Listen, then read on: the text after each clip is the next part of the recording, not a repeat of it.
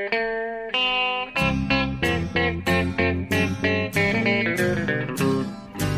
out there, we're on the air. It's hockey night tonight. Tension grows, the whistle blows, and the puck goes down the ice. The goalie jumps and the players bump, and the fans all go insane. Someone roars, Bobby scores at the good old hockey game. Oh, the good old hockey game is the best game you can name.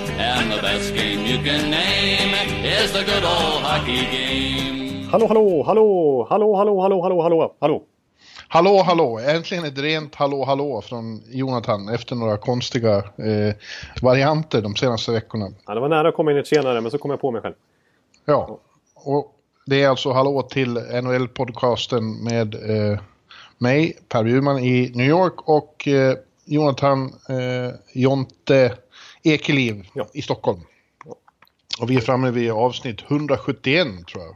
Ja, sa. precis 171. Oj, Eh, Bara så on top of mind kom jag på att det är, det är samma eh, nummer som eh, Pavel Datsjuk blev draftad som en gång i tiden. 171. Hur kan du komma ihåg? Ja, det, Oj. det, det borde jag inte ha nämnt. Det är nästan för... Det är nästan stört. Men det, det är Ja. faktiskt 171. Oj, oj, oj, vilket nörderi. Ja, men nu är podden igång i alla fall. Det är NHL-podden jag kommer till. Yes. Hur är läget?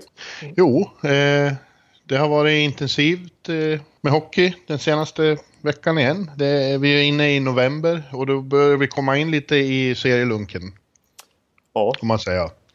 Ja. Eh, det, det, det är fortfarande väldigt mycket mål och så, men kanske inte lika spektakulärt som de allra första veckorna. Det är mer, det blir, som sagt, det blir mer normalt nu.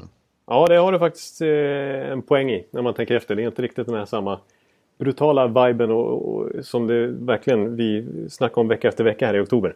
Nu börjar det sätta sig lite mer. Eh, men frågan om vi inte bara, bara direkt ska komma in på det som piggar upp oss här i, i helgen.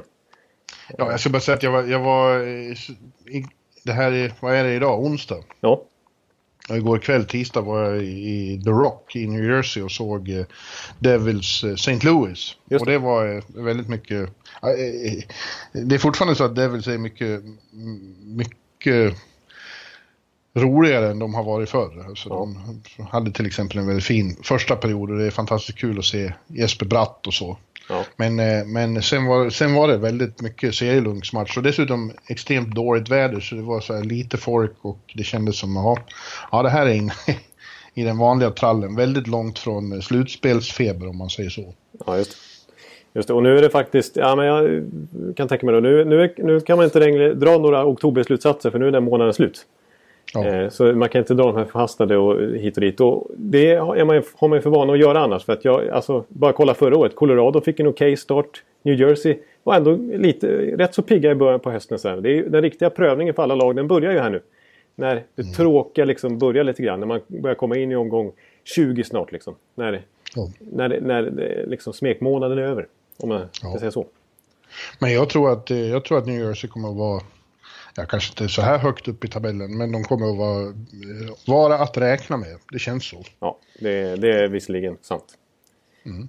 Och, och St. Louis med för den delen. De gjorde en väldigt sån typiskt bra bortamatch igår och hittade ett sätt att vinna. Ja, ja vi, vi var ju inne mycket på St. Louis förra och de bara fortsätter att imponera. Så det, och jag tycker de vinner mot alla lag. Liksom. Det spelar ingen roll. Det, det är liksom mot eh, de här lite liksom unga, snabba, heta lagen på bortaplan och den typen av hockey som kanske uppstår då. Och sen också mot de här tunga lagen. Liksom, mot, alltså, oavsett motstånd tycker jag att de hittar ett Ja, som sagt, hittar sätt, ja. hittar sätt och, och hur man vinner mot, mot olika motstånd. Exakt. Så det är inte alltid Eh, att de bara dominerar själva utan de liksom anpassar sig lite grann. Ja, exakt. De är, de, de- de är ju liksom, de har inte helt bytt identitet. De har det tunga i sig fortfarande, men de kan också vara ett eh, modernt och kvickt och explosivt lag. Ja. Ja, det är ruggigt imponerande måste jag säga. Mm. Långt ifrån vad vi slog fast här i, ja, inför säsongen. Yes. Ja, men du nämnde ju där vad som hände i helgen och det var ju faktiskt i söndags. Eh, eh, en, eh, något så o, eh, ovanligt och sällsynt som en, en ja, nu för tiden är det överhuvudtaget ovanligt med trader mitt under säsongen. Ja. Eh, men det här var ju dessutom en trevägs, en trelags eh, trade. Och det Ja. händer ju nästan aldrig nu för tiden. Nej, det, det är...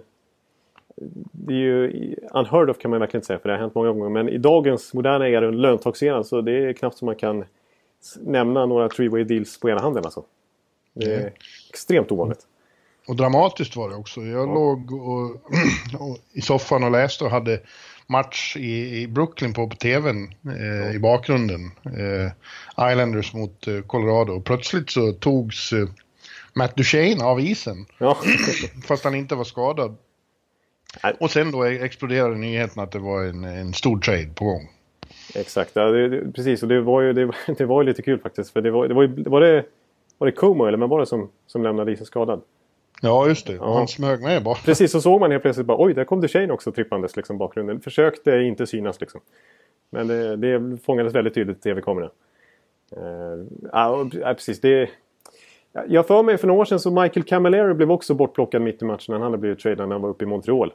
Men eh, bara en sån sak, förutom att det är en trevägsdeal, att, att det händer mitt i en match dessutom. Det är, det är så många faktorer till det här. Det brukar vara mer när det är trading deadline att de tas av träningen på Ja, morgonen. Exakt, det är ju ett fenomen. Liksom, som man, det är därför det är så enormt välbesatt på de morgonvärvningarna när det väl är trade deadline. Men under en match, så här, det, det, det är extremt sällsynt. Och Ja. extra spektakulärt tycker jag nu när de har hållit på och för- försökt, alltså när Sakic aktivt har försökt trada Duchene i ett års tid, minst. Så händer det mitt i en match till slut. Ja. ja, men låt oss gå igenom vad det var som hände då. Ja. Eh, eh, som sagt, Duchene klev av isen och eh, beslutade med att han hamnade i, i Ottawa Senators. Just det. Eh, och från Ottawa Senators gick Kyle Turris, men han gick till Nashville. Precis. Tredje part. Ja, förklara det här nu, eh, Ja. Jonathan. Ja, precis. Duchene till Ottawa. Cal Turris i sin tur till Nashville. Och Nashville i sin tur. Ja, sen fick de dela upp det lite ut, bytet som i sin tur hamnade i Colorado. Det blev då Samuel Girard. Mycket spännande back faktiskt som har imponerat här i början av säsongen i, i eh, Nashville. Vladislav Kamenev också nere i AHL där. Eh, ryss. Eh, lite powerful, lite edge eh, talang. Till Colorado också. Plus Shane Bowers talang första, gick i första rundan för Ottawa här i slutet av rundan i somras. Andrew Hammond, gamla Hamburglar-keepern som är nere i AHL och som tappat lite sen hans enorma succé för några år sedan. Ett första, ett andra och ett tredje val till Colorado. Alltså så sju komponenter för Matt Duchene till Colorado från dels Nashville och dels Ottawa.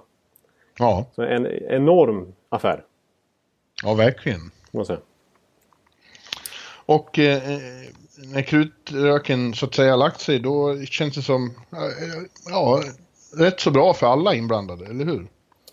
Ja, det är nog ändå slutsatsen. Tyck, vill jag påstå också. Och nu i efterhand har man förstått att den här traden, det, det visste man ju också att de har, i och med att Duchene har ryktats bort så länge. Men att just de här tre lagen har diskuterat extremt länge. Det var någon eh, som Elliot Friedman skrev tror jag på Sportsnet. Någonting att eh, typ alla de här tre general managers är, de åldrades ett decennium senaste veckan. För att, för att det har varit sådana förhandlingar hit och dit om exakt vilka spelare och vilka draftval som ska involveras. Eh, och dessutom skrev Kyle Turris på ett nytt kontrakt efter att inte kommit överens med Ottawa heller. Så direkt eh, villkorat för att Nashville skulle ingå i dealen var att de skulle få förlänga direkt med Kyle Turris. Och det blev ju en, en Filip Forsberg-deal, det vill säga 6 gånger 6 6 miljoner för 6 år. Ja, just det. Eh, så det var också någonting som drog ut på tiden eh, och som gjorde kanske att, att de kom överens mitt i matchen först. När Duchene Ja. var inne. Så att, ja, så att, Ja, men om vi tar lag för lag här då. Om vi börjar med Ottawa så de har ju, de har ju uppenbarligen länge eh, suktat efter Duchene och han har varit väldigt intresserad av att komma dit också. ja, han är ju Och- inte så långt därifrån. Heller. Nej. Det blev ju, det blev ju dyrt för dem då, men, men, eh, eh, men de har ju... Eh, ja, för ögonblicket så är de ju stärkta den här säsongen. Ja, precis. Alltså, det är klart. Nog, nog är han en liten uppgradering mot Kyle Turris. Ja, man Om han liksom, om han... Han har inte trivts i Colorado senaste året, så han har kanske inte presterat på högsta nivå. Men en Duchene i form som, som känner sig nöjd, det, det, det känns som ett lyft. Ja, det tycker jag. Han är ju bara 26 år dessutom. Han är två år yngre faktiskt än Turris. Och, eh, och han har jag tror han har, att han är ganska högt aktad. Mer än vad man tror kanske i Hockey Canada liksom. Uppe bland höga hästarna där uppe i hockeyvärlden i Kanada. Liksom. Han är ju liksom alltid, han är uttagen i World Cup trots liksom att det finns extremt utbud av kanadensiska NHL-stjärnor. Han är liksom, när han kommer till VM så blir han kaptensmaterial och när han är, han är med i OS och så vidare. För senaste OS. Så att, det är ju en storstjärna i, i landet. Mm. Eh, och en Ontario-kille där för, för Ottawa. Eh, så att, och ja, som sagt att han dessutom så är det klart att han, hans värde ökar lite genom att han har ett år till på kontrakt också. Det går inte ut här i sommar som Kyle Turry skulle gjort. Mm. Vilket ju också gör att, att de får betala lite extra. Så jag håller, jag håller med om att, att de får ju den bbästa spelaren i, i traden, tveklöst. Men det var dyrt. Men det var dyrt. Det var absolut en kostnad. För det, samtidigt som att det är en uppgradering mot Turris så är det ingen... Den är ganska marginell ändå spelmässigt vill jag säga. Alltså, han är... Ja, det, beror, det, beror, det beror på lite vad, vad, vad de får ut av Duchene förstås. Ja. ja, precis. Och hur han tacklar den här situationen nu. För det är klart, han är lite mer versatile kanske än vad Turris är. Turris är en ganska renodlad offensiv kraftcenter medan Duchene kan ju dels spela på olika positioner och han är fantastisk i boxplay och så vidare och en tvåvägscenter liksom. Eh, och ja, har ju ett högre poängsnitt totalt sett i sin karriär också. Så att... Eh, Ja, äh, jag, jag, det, det, jag tror att ändå... Jag, jag, tror ändå att, att det är en bra trade och de, jag menar... Ja, ett första val är ju rätt dyrt och Shane Bowers var ju ändå ett första val. Så det är i praktiken två första val dessutom. Eh, och mm. ett tredje val också. Så att, eh, ja. ja. men, men ja, ja. Duchene, och, Duchene och Erik Karlsson i samma powerplay till exempel. Det låter farligt. Ja, precis. Ja, det är ändå... Alltså, man får väl ge åtta... För något år sedan här... För det tar emot märker jag. Ja, men för ett drygt år sedan så, så, tyckte man ändå att det lät lite konstigt när Pierre Dorian var den enda i hela NHL-världen. Det var knappt någon i hans lag eller bland Ottawa-fansen eller överhuvudtaget som, som höll med om när han sa att ja, alltså vi är en contender. Mm. Alltså han sa ju det redan inför förra säsongen. Vi, eh, nej, vi ska eh, liksom gå till slutspel. Det är inte bara målet utan vi ska ju liksom vi ska utmana. Vi har ett bra lag. Vi har en Erik Karlsson som är 25-26 år. Han är i sin prime. Vi satsar. Mm. Och de går. De är till slut bara en, ett mål från Stanley Cup-final. Och nu visar de igen. Nej, vi ska, Kyle Turris räcker inte. Vi ska ha Matt Duchene. Ja. Så att eh, på det viset får man säga att de, att de vågar spänna bågen. Och det gillar ja, man ju att se. De, de, går all in. Ja. Ja, så har vi Nashville då. Eh, och det är många som har sagt eh, senaste dagarna att det här bevisar att eh, David Poyle är, om inte ligans allra bästa, så en av de bästa general managers ja. som finns. Och, och, och, man kan åtminstone slå fast att han är inte är rädd för stora ingrepp. Nej, är det någon som har gjort blockbuster de senaste åren så är det ju tveklöst han. Ja. Eh, alltså det började ju framförallt med Seth Jones, eh, Johansson-traden då, som ju var en riktig swing liksom. Att byta varsin nästan franchise-spelare. Och som inte det var nog så, då var ju, då var ju den, stod nästan sig slätt mot den här Subban Webber-traden som är kanske hela 2000-talets största trade. Eh, ja. Och så nu den här dessutom då. Ja, och, och det här ger ju framförallt då eh, ännu mer centerdjup. Eh, ja. Och det har de ju ganska enastående redan sedan tidigare med, om, när inte Bonino är skadad då. Men nu har de alltså Ryan Johansson, Nick Bonino Kyle Turris och, och sen alltså, har de ju också Gaudreau och Sissons och Järnkrok. Ja, exakt.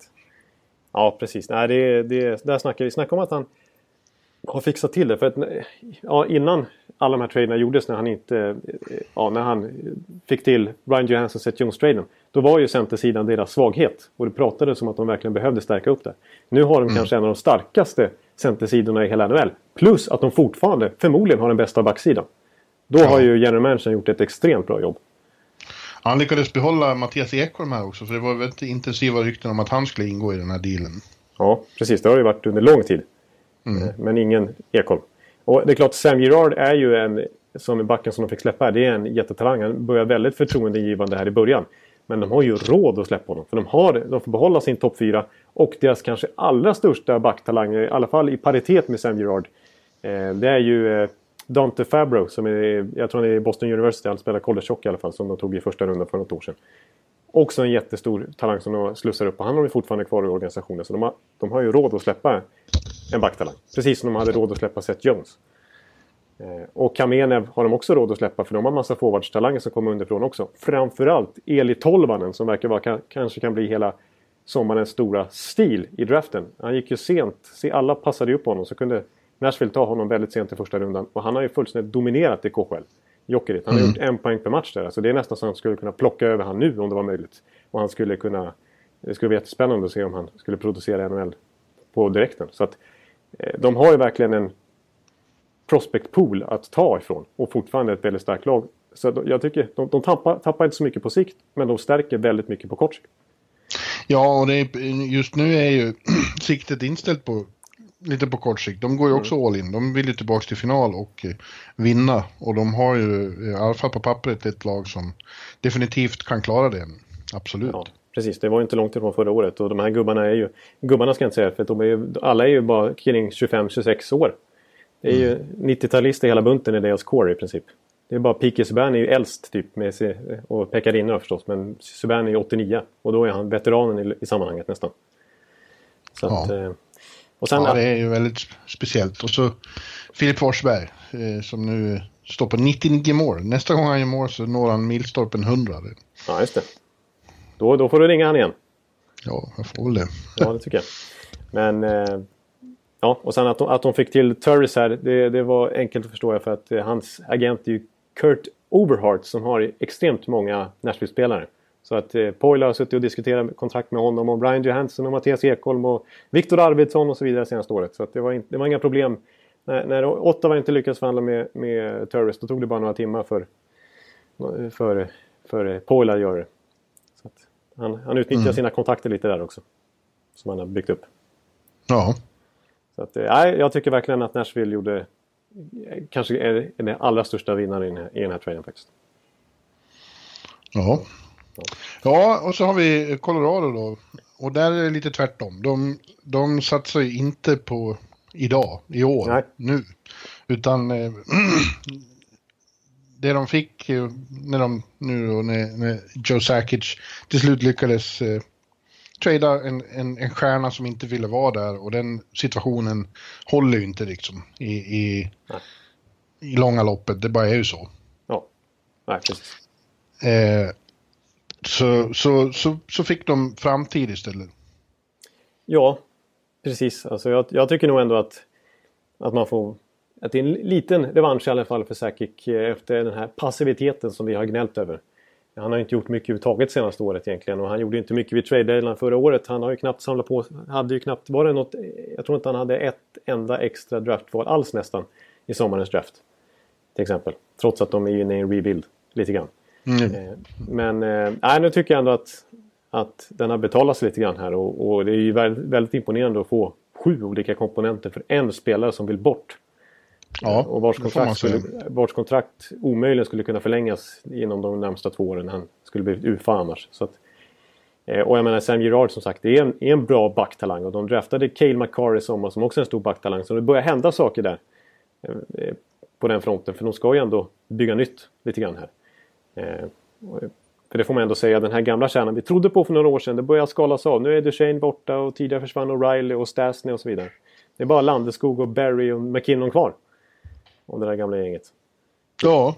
Så att... Eh, nej, alltså... Ja, det kommer, de har ju gått lite bättre än, än väntat här första månaden. Men eh, eh det är svårt att säga att det kommer att, att bli något slutspel och så i vår.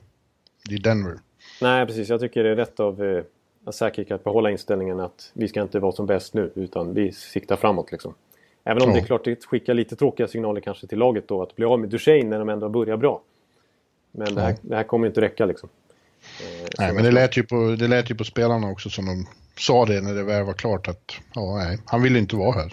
Nej, precis. Det är, verkligen så var det ju. De, de, det, det var, det, den känslan fick man ju onekligen redan på campen då när Duchene dök upp och sa att han var bara här av respekt för sina lagkamrater.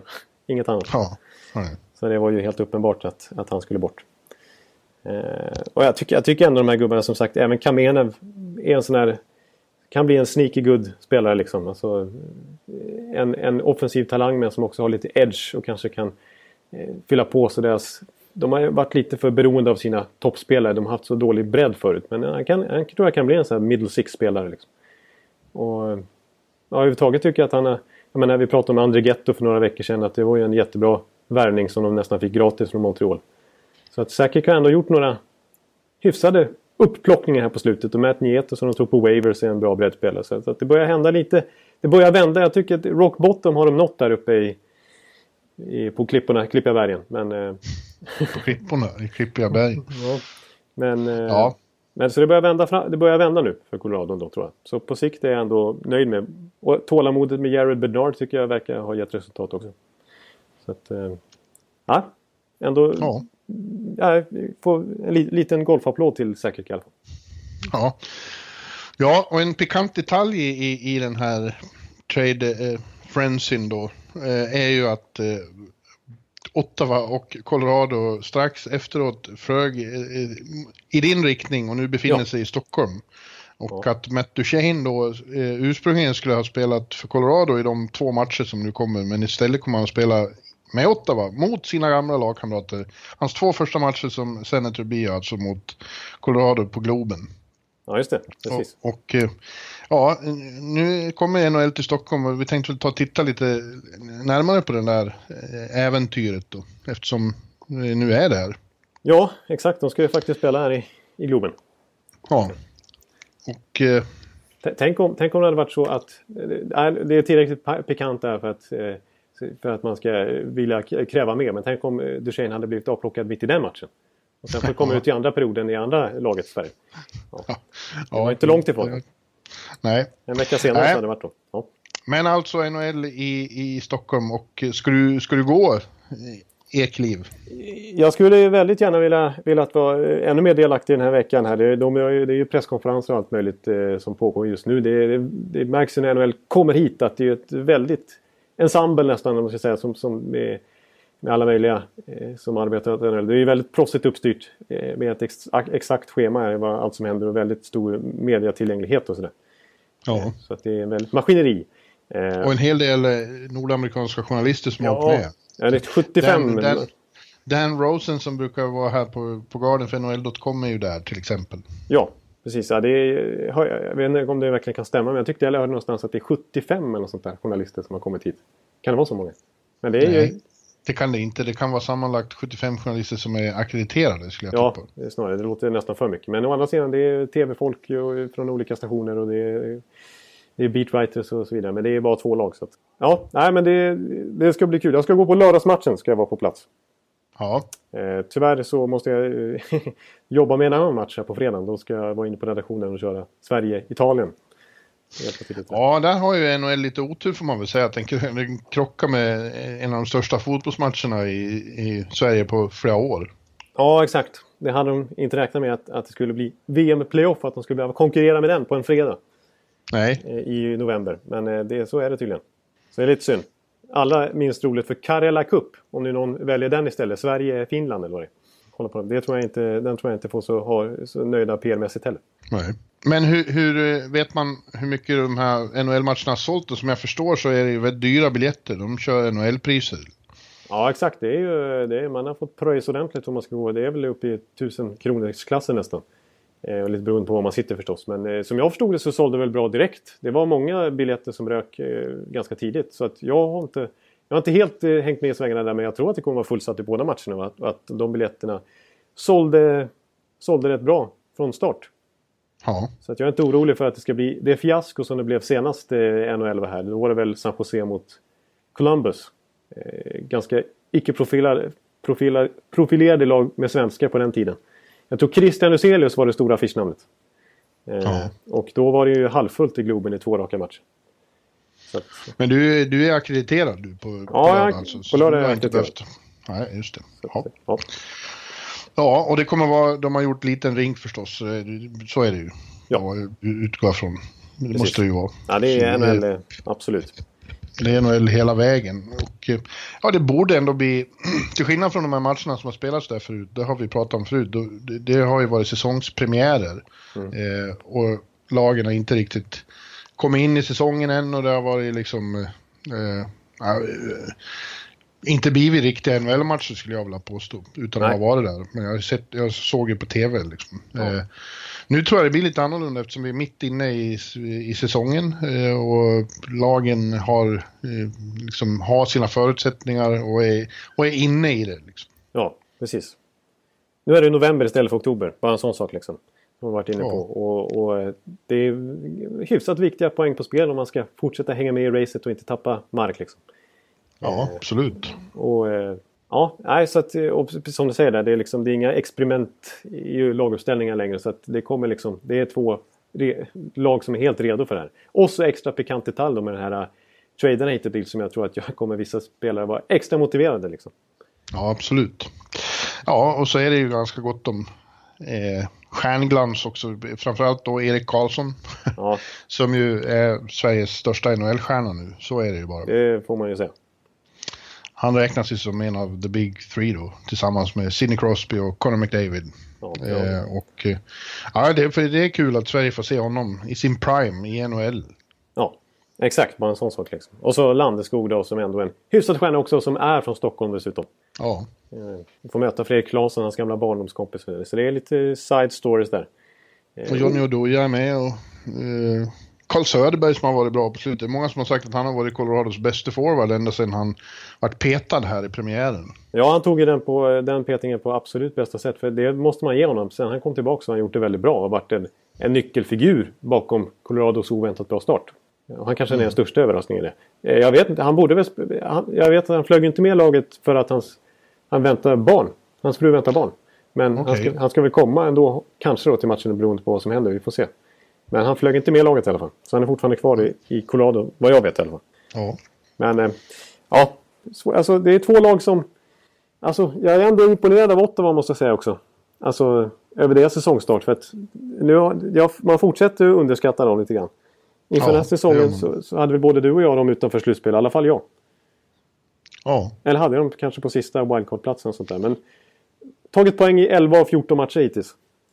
Ja, och i början utan Erik Karlsson, vi har ju tjatat väldigt mycket om att de är ett lag med honom och ett lag utan, men de var ju faktiskt väldigt bra även i början när han fortfarande eh, rehabiliterades för sin fotskada. Ja, exakt. Och, alltså det, grejen med det här Boucher-systemet, alltså, det, man blir inte så imponerad tycker jag i alla fall när man tittar på dem. Eh, det är inte så att de Ja, de har haft någon match när de var med 6-1 eller vad det var borta mot Edmonton. Men annars så är det ganska mycket tajta matcher. Och de har ju, är det sex matcher som har gått i övertid liksom. Mycket uddamålssegrar och förluster och så vidare. Eh, men eh, de, de, de, är svåra att skaka av sig liksom. Ja. Eh, och de, de, de har inte så positiva underliggande siffror som annars brukar vara en indikation på ett bra lag. Att man för spelet och att man, ja, så att man skapar mycket high danger scoring chances och expected goals forward och alla de här kategorierna. Och där, i de staplarna så ser det inte så bra ut för Ottawa. Men däremot så är de bra på att alltså, utnyttja misstag. Att, att klogga igen mittzonen. Det var ju Bushers stora spel i Tampa där det gick till överdrift. När Philadelphia till slut blottade hela laget för hockeyvärlden. Ja. En klassisk scen. Och lite samma, det är inte lika extremt i Ottawa men det handlar väldigt mycket om, alltså deras spel det handlar mycket om att göra det fruktansvärt svårt för motståndarna i mittzonen. Att få dem att göra misstag där och sen vända spelet och kontra in ett mål. Liksom. Det måste inte vara den här konstanta pressen för att de ska göra målet. Och det är inget powerplay som fullständigt räddar dem kväll efter kväll. Utan det är turnovers som de lever mycket på, skulle jag vilja säga. Mm. Ja, och den här teorin eh, vi hade om att eh, Boucher eh, tappar sina lag andra säsongen för att det hände en gång i Tampa. Den verkar inte stämma här ändå. Nej, precis. Alltså än så länge så är det lika systematiskt som, som förra året. Eh, och som spelarna köper vad, vad, han, vad som kommer från hans mun. Ja. Så att eh, play ja. relentless, you gotta, uh, den här liksom, som jag brukar försöka imitera. Ja. ja. Men när jag har pratat med Erik om det där före säsongen till NHL-bibeln var det väl? Just det, då, precis då, då sa han ju det att det, det, är inte så, det är inte så strikt som ni tror. Som vi, vi, vi har mer fria tyglar än, än, än det kanske verkar och det vi har, vi, vi har släppt ännu lite mer till den här säsongen, hävdar han. Ja. Så att, ja. Boucher har väl också lärt sig då. Ja, det, precis. Det har ju trots allt gått 5, 6, 7 år sedan Tampa-tiden. Eh, och ja, Sen, jag menar, man pratar ju väldigt sällan om Mark Stone och Mike Hoffman och de här andra spelarna utöver Erik Karlsson. Eftersom att han är så överlägset bäst liksom. Men eh, jag menar så som Stone har ju pytsat in nio kassar hittills den här säsongen. Och eh, Mike Hoffman har också noterats, är väl nästan uppe på en poäng per match, så brukar ju alltid hamna kring 30 målstrecket vilket ju alla lag skulle vilja ha en sån spelare. Så att, eh, det finns ju kvalitet i det där laget trots allt och, och även målvaktsspelet är ju ganska bra. Mm. Så att eh, de är ju rätt gedigna och jobbiga att möta det här laget trots allt. Ja. Ja, och Colorado då, snacka, du sa bra målvaktsspel, det kan man ju lugnt konstatera att eh, Semyon Varlamov har gett Colorado också här första månaden. Det var någon match här bara för några dagar sedan när han stoppade 57 puckar. Ja. Ja. Jag vet, det var personligt rekord, men om det också var klubbrekord vet jag inte. De har ju haft Roa där. Så. Ja, precis. Nej, men det, är, alltså, det är inte ofta man får så mycket skott mot sig. Alltså, totalt sett, hur många mål man än släpper in. Alltså 57. Ja, det är ju otroligt. Eh, kommer mot Carolina. Jo, ja. Eh... Carolina med öste skott mot dem. De ska väl inte få så mycket skott. Är det väl Nej. egentligen meningen. Men, eh, de sköt väl 48 en... skott mot Florida, mot här natten tror jag också, Carolina. Ja, det var i alla fall en show. Ja, exakt. Eh, och det, det är klart att det är ju... Alltså Valamov, det är ju en rätt bra målvakt egentligen. Han har, han har inte levt upp till sin Vessina-nivå som han höll. Han var ju nominerad för några år sedan. Eh, men det är ju en, en riktigt bra keeper och förra året så, så gick ju han sönder. Eh, det var att, att han och Eric Johnson var borta merparten av säsongen hjälpte ju naturligtvis till till den urusla facit som det till slut blev resultatmässigt. Eh, nu är både Johnson och mm. Semyon Varlamov tillbaka och bara det tror jag är, är, verkligen ökar Colorados chanser att vara compatible, com competitive varje match. Eh, så att, eh, ja, sen, sen, sen är det ju så här, alltså, deras yngre spelare, alltså Nathan McKinnon har ju naturligtvis varit jättebra. De som man förväntar sig ska vara bra. Han är väl uppe poäng på en på match. Och även Barry är ju i toppen av backarnas poängliga. Eh, som hade en liten slump förra året, precis som alla andra i laget. Eh, Landeskog har fått en okej okay start. Sen har de ju återigen, jag, jag, jag har ju nämnt några Andrighetto så här, även en sån som Alexander Kerfoot som jag hade väldigt dålig koll på den här säsongen. De, de, var, de plockade upp honom från Harvard University. Precis som att eh, mm. eh, Rangers plockade Jimmy Vesey därifrån förra året. Och han har varit ja, väldigt bra. Han har varit väldigt bra, Harvard-produkten. Är väl också uppe på så fem mål och fyra assist någonting. Och ser ut att vara en, en billig chansning som gått hem. Ja. Och så är Mikko, Mikko Rantanen är ju en eh, attraktion också. Eh, ja. Stor och ändå snabb och rörlig. Precis. Exakt, alltså. Eh, ja, verkligen. Alltså, han, har ju, han har ju lite det här old school-paketet som jag gillar. Att han storväxt och det här, det här, den typen av egenskaper som scouter kollade på på 90-talet. Liksom. Men eh, dessutom har han det här moderna iset. Han är ju skicklig i powerplay och han, eh, han är, har ju skill liksom. Så han kan ju göra mål och han kan spela fram. Eh, och också väl, hänger ju med McKinnon där i toppen av poängligan. Så att, eh, nej, det, det, ser ändå rätt så lovande ut vill jag säga för det här laget. Sen är det ju som du säger, släpp, släpper till så extremt mycket skott mot Carolina. Jag tror på underliggande siffror så de ligger ju sist i corsi procent till exempel. Så att, jag tror att, att det kommer nötas på de här nu och när de inte har Duchene nu heller så att bredden tappar, tappar lite ytterligare. Ja, jag tror att det kommer bli tufft för dem i vinter här. När det börjar, och de kanske åker på någon, till, någon skada och sånt där. Eh, så att jag håller med Sakic i, i hans val att, att satsa på sikt. Men det finns en, mm. som sagt många positiva indikationer. Och jag tror att de kan eh, knipa en match här i Stockholm. Ja, det kan, det kan de. Och framförallt så borde det bli roligt att se dem. Och, och det finns ju ganska gott om eh, eh Avalanche-fans i, i, i Sverige efter Foppas eh, många år där. Ja, exakt. Precis. Jag fick ju resa med en Avs-fans till Denver förra året. Bara en sån sak. Just det. Som, som, är, som är fastnade för det laget där när, när de slutet av 90-talet liksom. När Foppa var där och Sakic och allt, allt, allt de hette. Bork, Foot. Ja. Hejduk som ska få sin tröja i taket snart. Och så vidare. Alltså det ska han? Mm.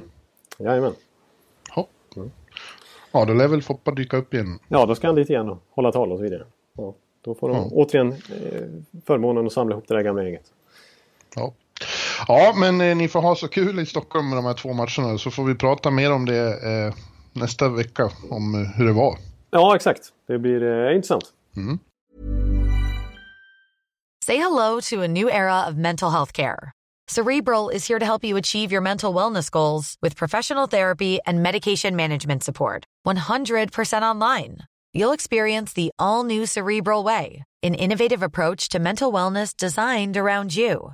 You'll get a personalized treatment plan from a therapist, prescriber, or both in a safe and judgment free space.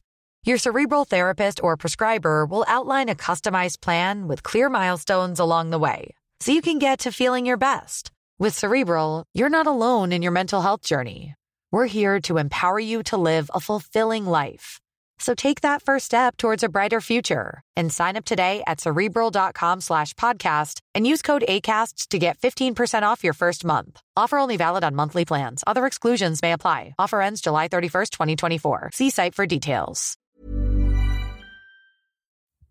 Vi, eh, vi hoppar väl vidare Ja, vi gör väl det.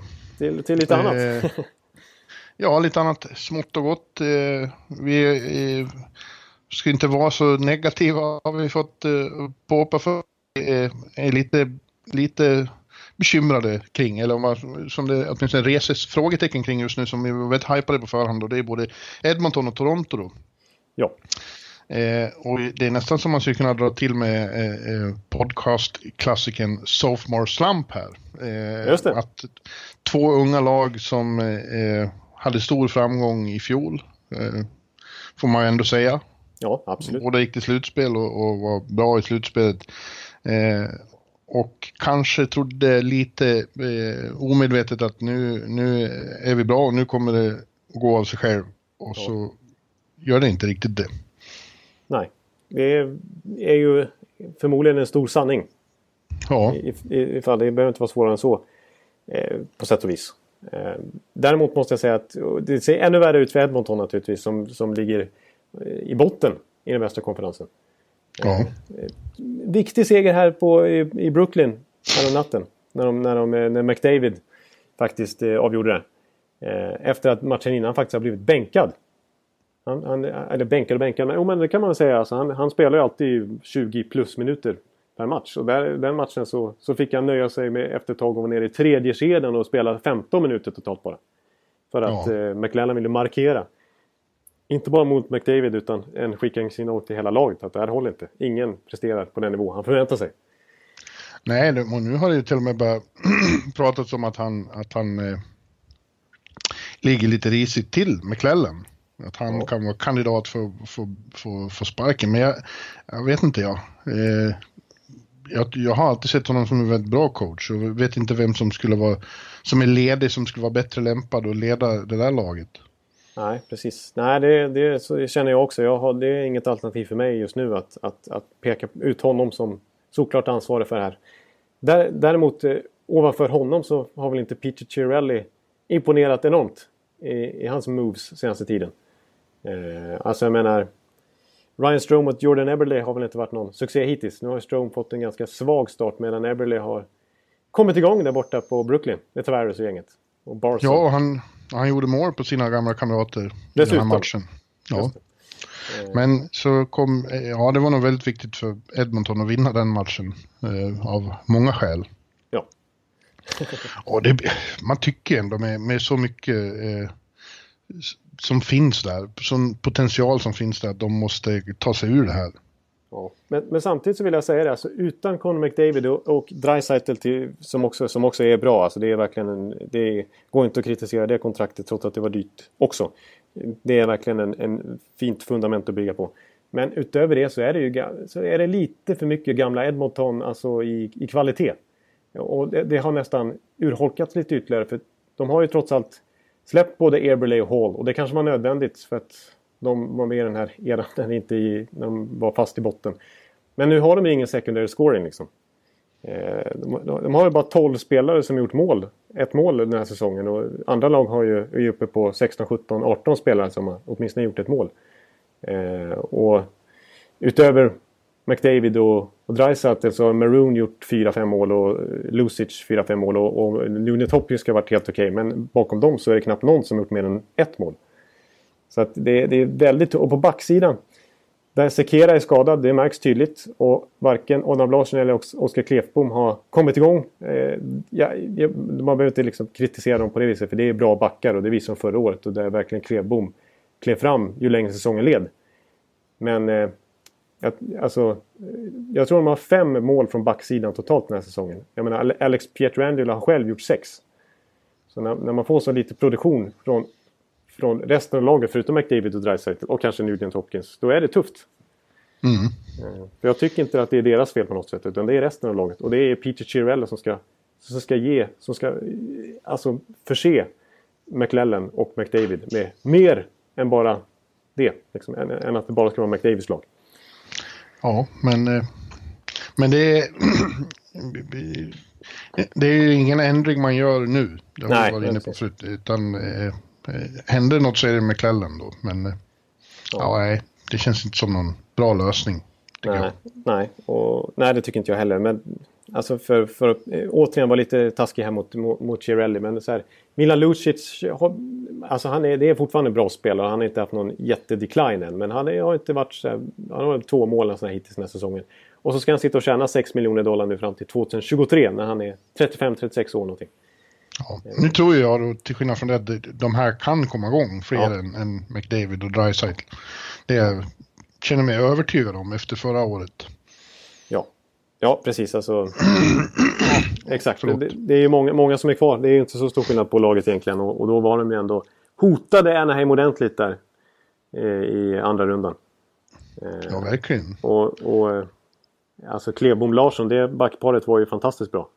Eh, Och framförallt så var ju målvakt Cam Talbot grym. Det har han inte varit på samma sätt i år.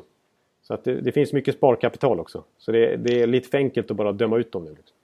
Ja, det är du som gör det. Ja, det är jag som gör det. Jag vet. Så jag, jag, jag ger en liten sån här... Sitter här och pekar på mig själv lite grann. Ja, men det är... Förlåt igen. Morot i thirststrippen. Ja. De... Eh, eh, det är ju inte alldeles ovanligt. Det, det, det inledande scenariot jag drog där om eh, unga lag. Eh, som tror att de är på väg uppåt på riktigt. Eh, att det stannar av en säsong innan, innan det händer. På, på, innan de etablerar sig som topplag på riktigt. Det har vi sett många gånger. Ja, de behöver go through the rough times liksom. För att nöt, stöttas i kanterna lite liksom. Eller formas. Ja. Toronto som du sa, de är ju långt ifrån eh, lika risigt till. De, de började ju väldigt bra och de är ju fortfarande tvåa i Atlantic med Mm. 18 poäng. Men det har, det har tagit emot lite på slutet. Det var inte så jättebra när de var ute på västkusten och så. Och Babcock har varit sur på att hans eh, främsta stjärnor där inte riktigt har levererat som, som planerat på slutet.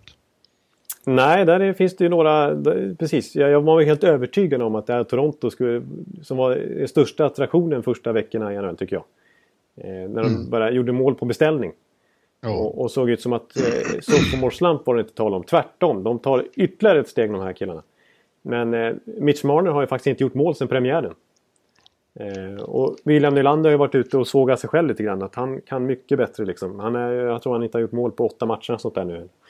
Nej, Eh, precis. och eh, de lite mer eh, rutinerade spelarna som Tyler Bosek har, har markerats från back, Babcocks håll och skickats ner i fjärde kedjan Och JVR har bröt en ganska lång måltorka här om natten mot Vegas också. Så det har plötsligt inte riktigt stämt. Och det är lite så här sophomore slump-känsla ändå.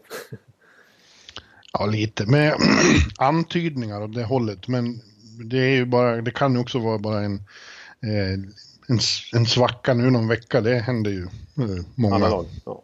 Ja. Man ska inte vara så alarmistisk i, i det fallet tror jag. Nej, precis. Jag, jag tror inte det. Och samtidigt så tycker jag, om jag ska dra... Man kan ju peka på Fredrik Andersen till exempel också som är under 90 procentig.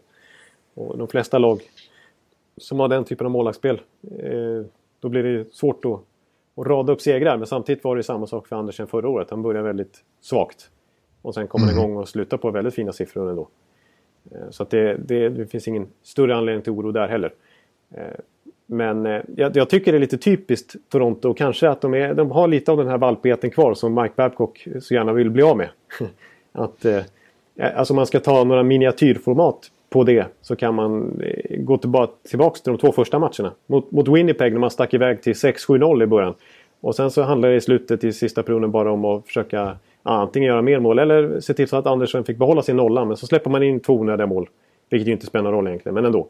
Lite onödigt. Och nästa match hem mot Rangers. Ja, då tar man ledningen med 5-1 i första perioden. Och sen, och, och sen slappnar man av och tycker att det här är kul och, och börjar leka lite. Och sen så är det 5-5 helt plötsligt. Så det är lite typiskt Toronto ändå att när det, väl, när det går lätt för dem och det rullar på, då helt plötsligt så tapp, släppa dem lite, lite av det, det de har gjort så bra. Och så liksom släppa dem... Ja, så, så, så blir det dåligt helt plötsligt. Ja. Lite så kan det vara nu också efter en fantastisk start på säsongen. Allt bara rullar på. Så har de slappnat av lite grann nu och då, då kommer det in massa, in massa mål i baken istället. Så att, ten, tendensen i laget är lite åt det hållet överhuvudtaget tycker jag. Men det är ändå så otroligt mycket kvalitet och så många spelare på uppgång att, att jag inte är dugg orolig för deras säsong. Ändå. Knackar du i bordet nu, sa du nu? Det Ja, det, som, ja, ja, jag gjorde nog det. Så jag liksom verkligen... så för att Jag, understryka. ja, precis. Ja. Att, eh, jag har inte förstått att det är en podcast utan jag, jag tror att jag sitter och blir inspelad här för mig själv. Ja, ja nej, eh, ja, men eh, ja, jag, jag tror fortfarande på Toronto också. Jag tror att de kommer ta sig ur det här. Ja, exakt. Och en som inte haft en sophomore slump det är Austin Matthews. Han har varit grym, vill jag bara säga. Ja, ja han, eh, han är ju ett, eh, ett litet unikum han också. Ja. Vi, vi nämnde det inte när vi gick igenom körschema här, men ett lag som, eh, om vi nu ska fortsätta vara lite taggiga då, Ja. är ju Wash, Washington har inte så jättekul just nu heller. Nej. Eh, det kan vi inte prata om någon sophomore slump. Det var ju väntat att de skulle tappa lite i slagstyrka inför den här säsongen. Men eh, det har sett eh, sämre ut än, än, än, än jag tror någon hade trott faktiskt. Eh, Ja. Säkert nu senaste veckorna. Och, och det är oväntade spelare som har hamnat i... Framför, i- Bäckis till exempel, Niklas Bäckström har gått utan poäng i sju matcher i rad. Och det, det, Det kan nästan aldrig ha hänt. Nej, det är hans längsta svit i NHL utan poäng. Ja. ja, det var oväntat med tanke på eh, hur extremt... han kom ur startblocken. Han och Ovechkin och hela gänget. Så Ja. Som de började säsongen. Eh, Ja, ja lite, men det är klart. Alltså, det blir enormt mycket ansvar på de här spelarna nu när deras bredd har urholkats ordentligt. Ja, men då, jag såg inte så mycket av det, men de som såg matchen igår när de förlorade mot Buffalo eh, sa att det var väldigt eh, stagnerat och, och stillastående och liksom ingen riktig, eh, ingen riktig edge i det alls. De hade sju skott länge och väl och så. Ja. Ja, nej precis. Nej, men det är, alltså jag tror lite att det har lite att göra med det också. Liksom. Det, det är svårt för de här bärande spelarna att leverera kväll efter kväll. Är inne på sin tionde, elfte säsong för många av dem minst. Liksom. Eh, och här i och novemberlunken som vi är inne i nu också. Eh, När de inte har längre, för de har ju trots allt blivit av. Vi, har ju varit, vi behöver inte rabbla upp hela raddan igen, men det är trots allt väldigt många otroligt bra spelare. Och många spelare som kanske fått lite större roller i andra klubbar nu och visat hur bra de är. Jag tänker på en sån som Nate Smith som är väl i princip första back i Vegas nu och som har sett väldigt bra ut. Ja. Han, hade, han hade, kunde Washington slänga in som sjätte back, sjunde back förra året. Eh, så att det... det att, och då blir det ännu tyngre ansvar på de här killarna. Och det är vissa som...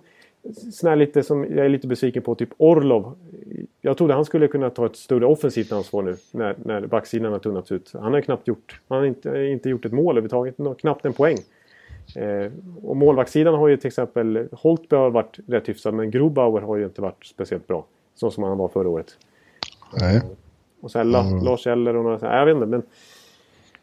Ja, jag, hade förväntat mig mer. Och Burakovsky som, som skulle liksom gå in i topp 6 nu och bli... Eh, kunna kunna kom, sikta på 30 mål kanske men som tyvärr åkte och blev ordentligt skadad här. Ja, han har brutit en tumme så han är ju borta i princip resten av det här året i alla fall. Inte säsongen, men eh, året 2017. Ja, och förra året hade det kanske inte varit något eh, jättebakslag men nu är det ju faktiskt det. För han är en viktig offensiv spelare. Att, Ja, det, det behöver hända saker där. Det Kanske är trader och så som behöver, behöver komma till. ja, det, det räckte inte med Alex Chison. Nej. Nu sa jag det bara för att han är ju en gammal poddfavorit. Eh, nej, de, de, de har lite breddproblem när inte toppspelarna levererar som brukligt. Förväntat vill jag ändå säga, men, men lite sämre än väntat också. Ja. Du, en, en, sista eh, negativ sak innan vi pratar lite roligare saker. Är, det är svårt att vara negativ om Pittsburgh. De leder ju Metropolitan. Men de har haft en, en egenartad detalj som inte har fungerat särskilt väl. Och det är eh, back-to-back-matcher. Nej, nej, där har de ju varit eh, klappkassa. Ja, ja, de har åkt på stor, stor förluster eh, flera gånger om när de har eh, spelat dagen efter då. Ja, de, är, de har förlorat alla fem. Och, ja, och du har någon teori om varför? Ja, de har 8-31 i målskillnad. Så de, de, matcherna slutar 1-6, 1-2-6 i snitt ungefär. Eh, men eh, ja, ja men, eh, dels så tycker jag väl att det är lite... Alltså att... Alltså de har haft ganska tungt schema Pittsburgh. De har inte haft något, något lätt schema att börja säsongen med. Alltså att åka på fem back-to-back matcher redan första månaden. Det måste ju vara mest i hela NHL. Och de som dessutom hade den kortaste sommaren ihop med Nashville. Eh, och som dessutom har spelat så otroligt mycket matcher de senaste två åren totalt sett. Eh, förra året var det dessutom ett World Cup-år dit de fick skicka många spelare. Ja. Eh, sen har ju de också just, eh, som en liten övergång från Washington, de har ju tappat bredd. Eh, jag menar, alltså förra året så, dels på målvaktssidan, det har varit inne på Antiniemi så här, Förra året kunde de ju slänga in eh, Matt Murray ena kvällen och sen eh, Mark André Fleury i back-to-back-matchen, eller tvärtom. Och det är klart mm. att det är skillnad mot eh, Tristan Jerry eller Antiniemi som var fallet i de första matcherna när det verkligen läckte in.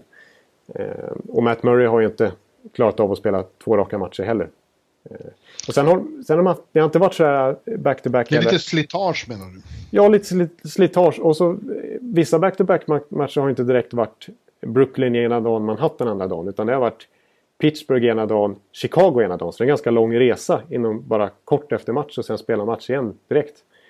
Eh, ja, de har ju haft lite tufft schema också, det får man verkligen säga. Eh, med tanke på, eh, som du säger, att de har haft så korta somrar här och så.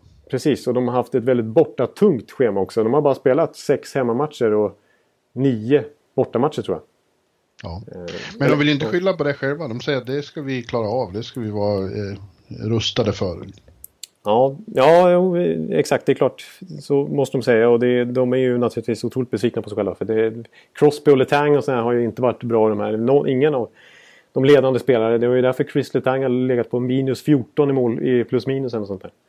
Eh, mm. Men, eh, men det är också, det är också apropå eh, Washington där. När, när bredden tunnas ut så blir det ju ytterligare ansvar på toppspelarna. För det, alltså kolla på liksom Alltså som varit inne på också med, med centerdjupet då. Nu är det ju Malkin och Crosby är ju 5 plus, 6 plus. Eh, medan förut hade de ju Bonino och Matt Cullen förra året. Liksom. Det är ju, ja. det är ju 4 plus eh, minst eh, som bottom 6-par. Nu har det varit, ja. i början av säsongen var det Carter Rowney och Greg McKegg. Liksom borderline NHL-spelare överhuvudtaget.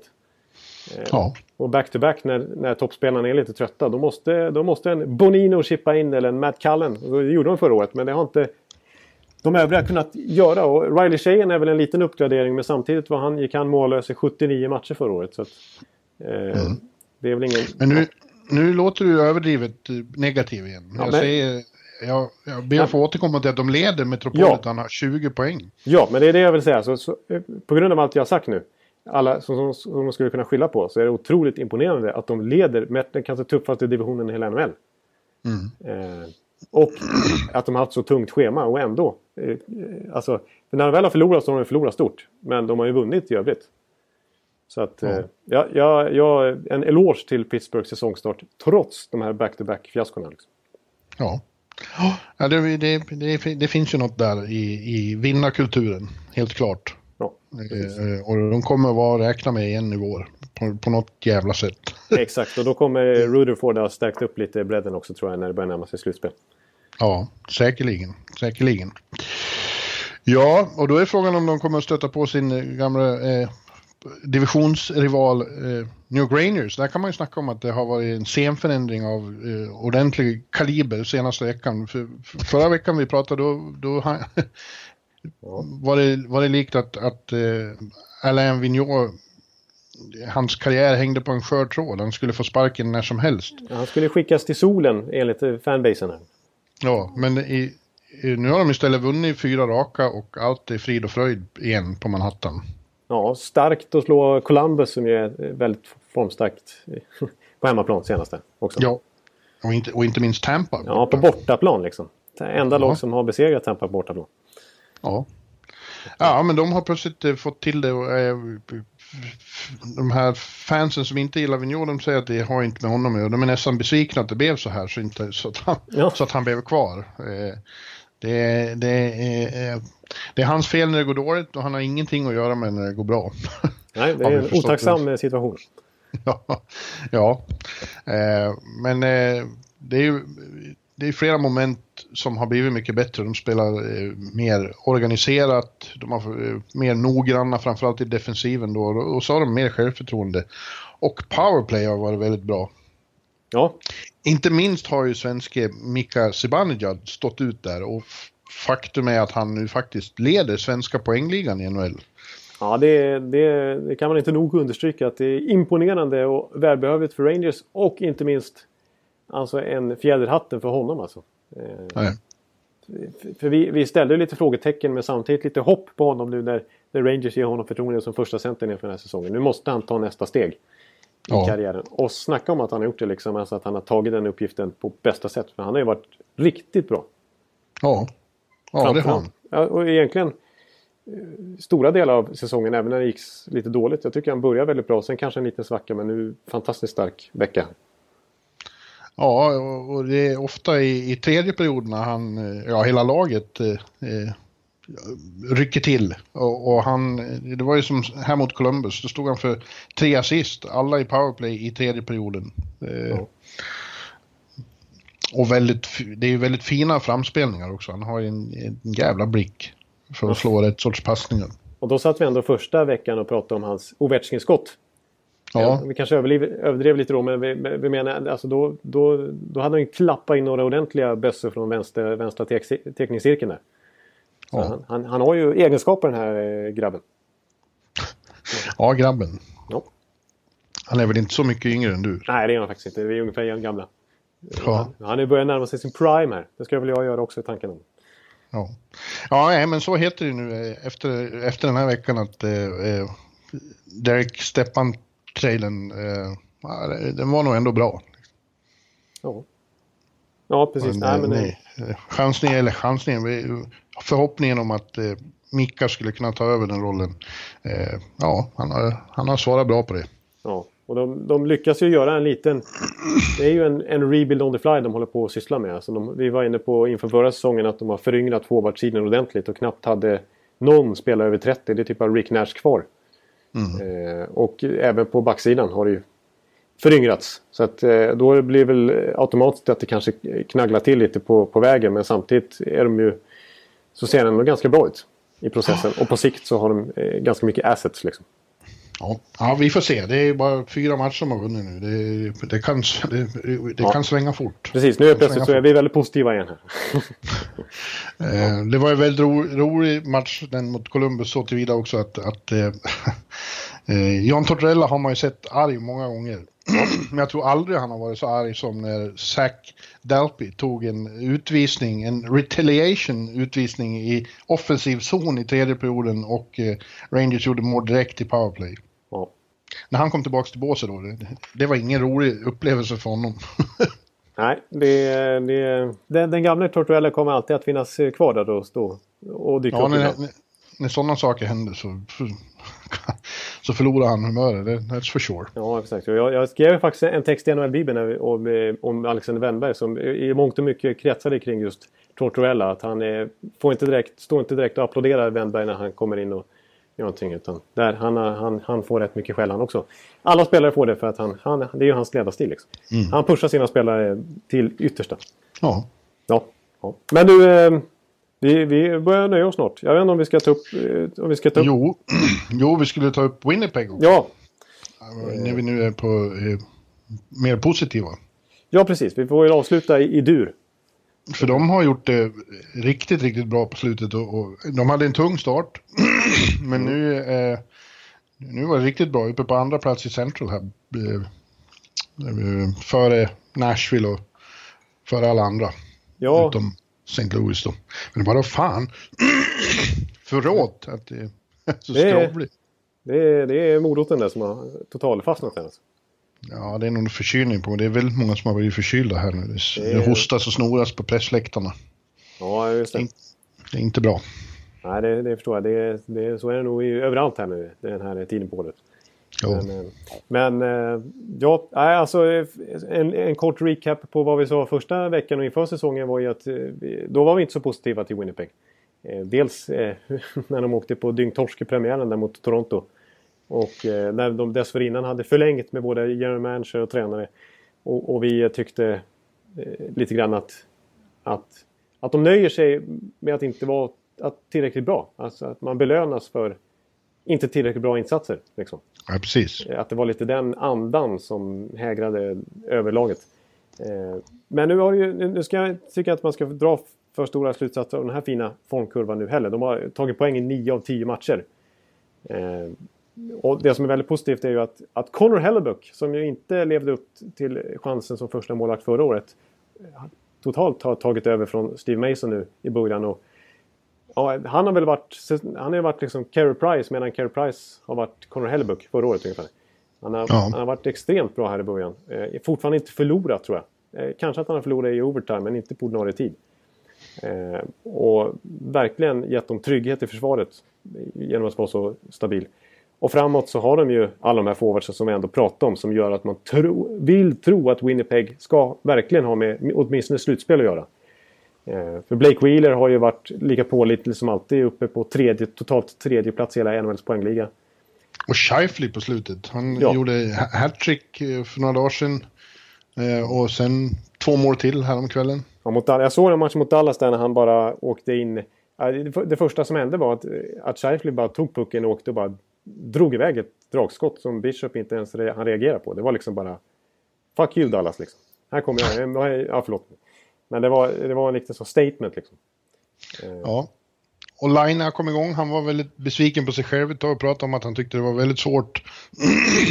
och att han inte hjälpte till mer och bidrog mer. Men nu gör han åtminstone ett mål per match. Ja, exakt. Och ett riktigt sånt klassmål där mot Dallas också när han i powerplay bara drar iväg ett dragskott rakt upp i krysset. Liksom. Ja. Och, och Ehlers har ju haft en fin och Kyle Connor som vi snackade upp lite inför säsongen har ju har etablerat sig i topp 6 också. Så att, eh, det ser rätt positivt ut där måste jag säga nu. Och nu när de inte är så skadeskjutna heller så... så eh, ja, de är, de är rätt vassa. Samtidigt så om jag kollar på min lilla underliggande siffror så, så visar det att de är ganska effektiva nu. Jag menar, det där kan ju svänga, pendla lite och målvaktsspelet är ju through the roof. Alltså frågan är om Connor Hellebuck verkligen är så här bra. Han borde nog ramla ner lite grann igen. Men indik alla indikationer pekar ändå på att, att de är ju betydligt... Alltså de är definitivt med ett, alltså att hota med slutspelsplats, minst. Så det är inget ras vi kommer att se från Winnipeg igen utan de de börjar etablera sig nu på den här sidan av tabellhalvan. Eh, det, tror ja. jag, det tror jag vi kan räkna med. Att, ja. ja. Och det var ju... Det är kul. Ja, kul ja men det tycker jag. Det, det, det vill de ju... Det vill, man, alltså jag, jag har ju, har ju hoppats mycket på Winnipeg senaste året blivit besviken. Men nu, nu känns det som att det börjar närma sig. Mm. Ja, men du, eh, du hade ingen eh, dina three sweeps of the week? Återigen, alltså, den här traditionen som jag byggt upp den höll i två veckor. Så förra året slet ja. sig och den här veckan har jag glömt bort också. Men eh, vi, vi, vi får hylla Mika Zibanejad. Ja, vi slänger in Mika och, och John Klingberg tycker jag vi kan eh, slänga in där också. Ja, han hade, han hade en tuff match mot, mot Winnipeg, men eh, generellt sett har han varit bra. Med i, absolut i topp, 15 poäng och sånt där. Och i, anför ligans bästa powerplay. Dallas är över 30 procent i henne. Ja, och så kan vi ta William Karlsson i, i, som har blivit första center i Vegas faktiskt och, ja. och sköter det utmärkt. Exakt, som har blivit en galant favorit precis som att han var en Tortorella-favorit. Ja, han är en tränarfavorit helt enkelt. Han är det. Han är, han är verkligen, alltså i, i Tortorella älskade jag honom dels för att han bidrog offensivt men framförallt att han var så pålitlig i boxplay och, och mm. eh, alltså kunde spela mot vilken motståndare som helst och, och göra det bra. Eh, medan nu så är man här mot eh, Toronto till exempel senast i Vegas. Så då slängde de in William Karlsson som styrde från den vänstra teckningscirkeln i powerplay. Nu gick det inte så bra just då men, men det var ändå det förtroendet han fick av Galant. Han skulle liksom leda laget offensivt då. Ja. Ja, han, han är värd att nämna. Yes, så då fick vi ihop tre där i alla fall då. Ja, men det var ju tack för det. Ja, ja men du, då får ni ha en eh, trevlig helg med, med eh, Colorado och Ottawa och så återkommer vi med analys om det nästa vecka då. Och lite ja. annat. Precis. Det blir mm. kanon. Yes sir. Och tack så alla, alla som har lyssnat så, eh, så hörs vi då helt enkelt. Japp. Yep. Hej hej. Hej. Hallå hallå hallå. Hallå hallå hallå. Alex Chiazot, Joe Luis Arena och Esposito. Esposito. Uttalsproblem, men vi tjötar ändå. Och alla kan vara lugna, inspelningsknappen är på. Bjuder Hanna Kohl, han är grym i sin roll. Från Kållesoffan har han fullständig kontroll på det som händer och sker. Det blir ju allt fler som rattar in hans blogg. Och lyssna på hans podd. One, two, time, speed, so Hallå, hallå, hallå. One, two, time, speed, so Hallå, hallå, hallå. Ekeliv, som är ung och har driv. Verkar stor och stark och känns allmänt massiv. Han hejar på Tampa och älskar Hedman. Sjunger som Sinatra. Ja, och där ser man. Nu är det dags för refräng. Dags för magi, Victor Norén. Du är ett geni. Så stand up at home and remove your hats. Höj volym, för nu är det plats. One, two, time, speed, so Hallå, hallå, hallå. One, two, time, speed, so Hallå, hallå, hallå. One, two, time, speed, so Hallå, hallå, hallå. One, two, time, speed, so Hallå, hallå, hallå. Det är otroligt länge sedan båda samtidigt var så här bra. Hallå, hallå, hallå. Det är otroligt länge sedan båda samtidigt var så här bra.